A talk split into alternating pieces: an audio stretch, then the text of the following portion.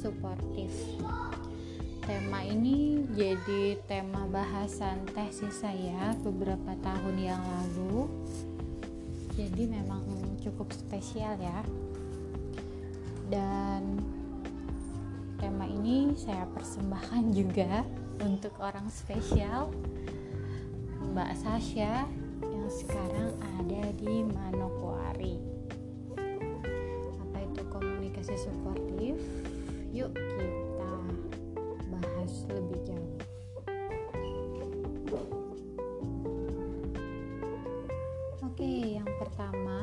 Sih komunikasi suportif itu? Nah, komunikasi suportif ini adalah perilaku verbal dan non-verbal yang kita lakukan dengan tujuan untuk memberikan bantuan kepada orang yang dianggap memerlukan bantuan, yaitu lawan bicara kita. Komunikasi suportif ini diperkenalkan oleh seorang psikolog bernama Dr. Jack Gibb. Ia mengemukakan bahwa komunikasi itu ada dua macam, yaitu komunikasi suportif dan komunikasi defensif. Di mana komunikasi suportif dan defensif ini saling berlawanan gitu ya. Nah, kenapa saya dulu ngambil tesis tentang pola komunikasi suportif? Karena dulu e, objeknya adalah e, para remaja penderita talasemia gitu. Jadi memang orang-orang uh, yang membutuhkan bantuan seperti itu ya. Sehingga uh, untuk berkomunikasinya pun kita butuh cara tertentu bukan komunikasi yang biasa tapi komunikasi suportif ini Nah, ada beberapa ciri khas dari pola komunikasi suportif yang pertama yaitu tujuan utamanya untuk memahami lawan bicara. Nah, jadi ini tujuan utamanya adalah memahami lawan bicara. Lalu yang kedua, karakteristik utamanya yaitu adanya empati dan usaha untuk membantu lawan bicara dalam menemukan pemecahan masalah. Usaha untuk memahami pandangan orang lain lebih dominan daripada mengontrol atau mendesak lawan bicara kita. Jadi memahami itu lebih dominan dibandingkan usaha untuk mengontrol atau mendesak. Yang keempat, orang yang melakukan komunikasi suportif akan membuat percakapan menjadi penuh arti. Seperti melakukan active listening, banyak mengeksplorasi dan juga memberikan apresiasi jika ada perbedaan pendapat yang terjadi. Lalu yang kelima, adanya iklim yang saling mendukung sehingga terjadi uh, ruang pemecahan masalah jika ada halangan dalam berkomunikasi. Jadi di terakhir dari pola komunikasi suportif ini adanya win-win solution gitu ya ketika uh, terjadi perbedaan pendapat. Nah, uh, kebalikannya dengan komunikasi suportif, komunikasi defensif sendiri punya uh, ciri khas yang menandakan bahwa komunikasi kita ini defensif. Yang pertama, komunikasi kita membuat orang lain cenderung merasa terancam. Gitu. Jadi ketika lawan bicara kita merasa terancam, bisa jadi itu uh, kita sedang melakukan komunikasi defensif. Yang kedua, motivasi utama dari komunikasi defensif yaitu adanya keinginan untuk mengontrol atau menunjukkan kekuatan kita. Nah, yang ketiga, komunikasi ini biasanya dilakukan seseorang untuk mendesak atau menggoyahkan keyakinan lawan bicaranya. Jadi memang orang yang melakukan komunikasi defensif biasanya sudah ada keinginan untuk melakukan uh, desakan atau menggoyahkan keyakinan lawan bicaranya. Yang keempat, dorongan dasar dari pola komunikasi ini adalah untuk membujuk atau mengarahkan orang lain sehingga superioritas dan strategi terlihat sangat menonjol pada orang yang melakukan komunikasi defensif. Jadi dia menganggap dirinya superior. Seperti itu. Nah, eh, komunikasi defensif dan suportif ini itu ada dimensi-dimensinya gitu ya. Ada dimensi-dimensi yang menandakan bahwa ini komunikasi defensif ini komunikasi suportif. Nah kalau di komunikasi belibet maaf ya Mbak Sasha saya ngomongnya belibet. Oke okay, kalau di komunikasi suportif eh, dimensi yang pertama yaitu berbicara deskripsi gitu. Kalau deskripsi itu artinya kita hanya mengucapkan apa yang terjadi. Atau kalau ini ada penjelasannya komunikasi deskriptif adalah menyampaikan sesuatu tanpa adanya penilaian gitu.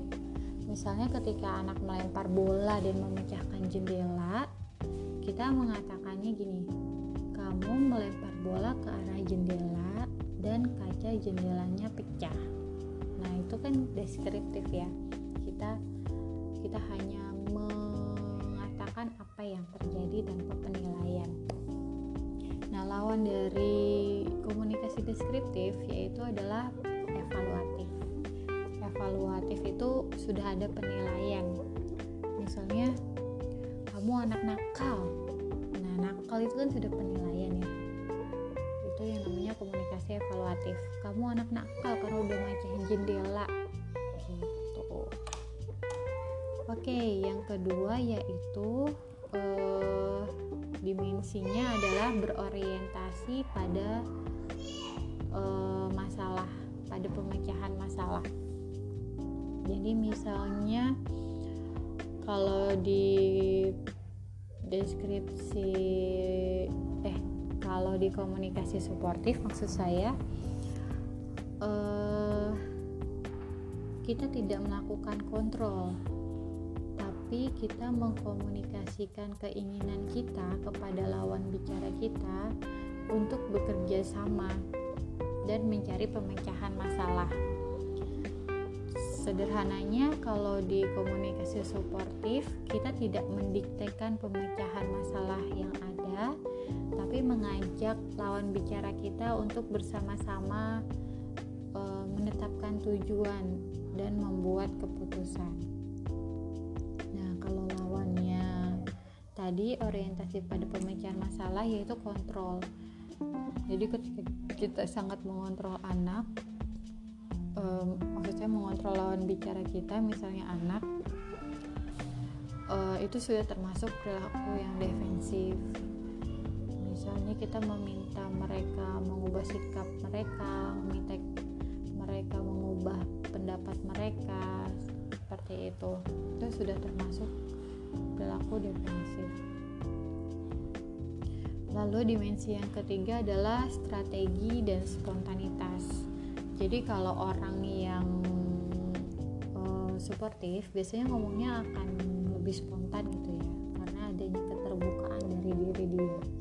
Sedangkan uh, kalau yang defensif biasanya motifnya ada strateginya gitu.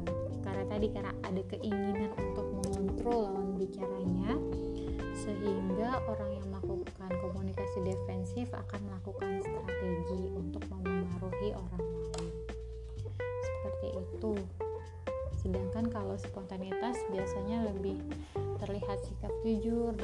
ada motif tertentu atau keinginan tertentu yang terlihat dari komunikasi yang dia lakukan. Ya, lalu dimensi yang keempat itu netralitas dan empati. Kalau untuk uh, komunikasi suportif jelas itu uh, empati ya dimensinya yaitu usaha untuk memberikan perhatian terhadap apa yang disampaikan oleh lawan bicara kita. Dan kita berusaha mencoba melihat sesuatu dari sudut pandang orang itu gitu.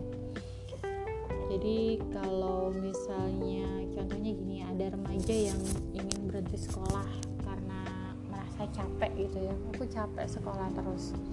Nah kalau ibu yang empati uh, dia akan bertanya dulu gitu bertanya mengeksplor dulu apa yang membuat kamu capek belajar apa yang membuat kamu capek sekolah apa ada yang bisa ibu bantu seperti itu Nah, lawannya itu netralitas, yaitu sikap di mana seorang menunjukkan sikap yang cenderung tidak peduli gitu dan tidak menghiraukan perasaan dari lawan bicaranya. Misalnya kayak tadi ada apa? Ada orang, ada remaja yang bilang pengen berhenti sekolah.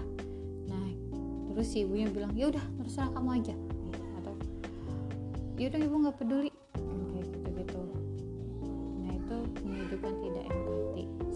itu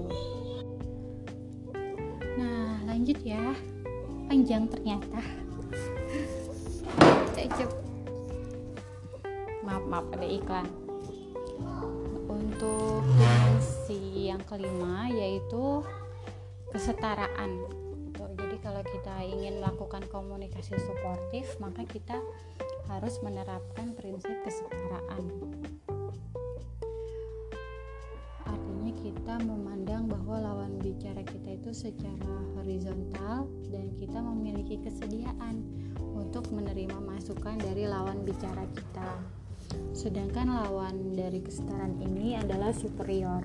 Jadi kalau yang tadi komunikasi defensif, dia akan merasa superior dan akan menunjukkan kalau posisi dia itu lebih tinggi dan lebih baik dari lawan bicaranya. Seperti itu. Dan yang terakhir yaitu kepastian dan namanya sih profesionalisme.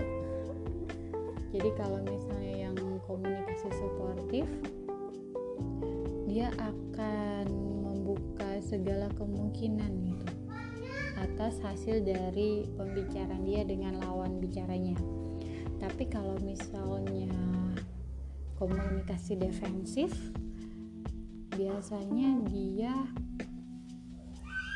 uh, sudah punya sesuatu yang harus dijalankan oleh lawan bicaranya jadi komunikasi itu hanya sekedar formalitas saja padahal dia sendiri udah punya sesuatu yang memang harus dijalankan oleh lawan bicaranya. Seperti itu.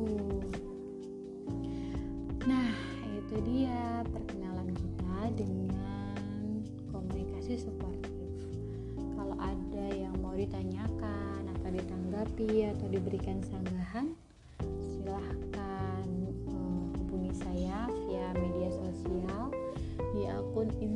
Instagram nama saya Ernawati atau akun Facebook at nama saya Ernawati ernawati.ip Oke, sekian sharing saya hari ini. Assalamualaikum warahmatullahi wabarakatuh.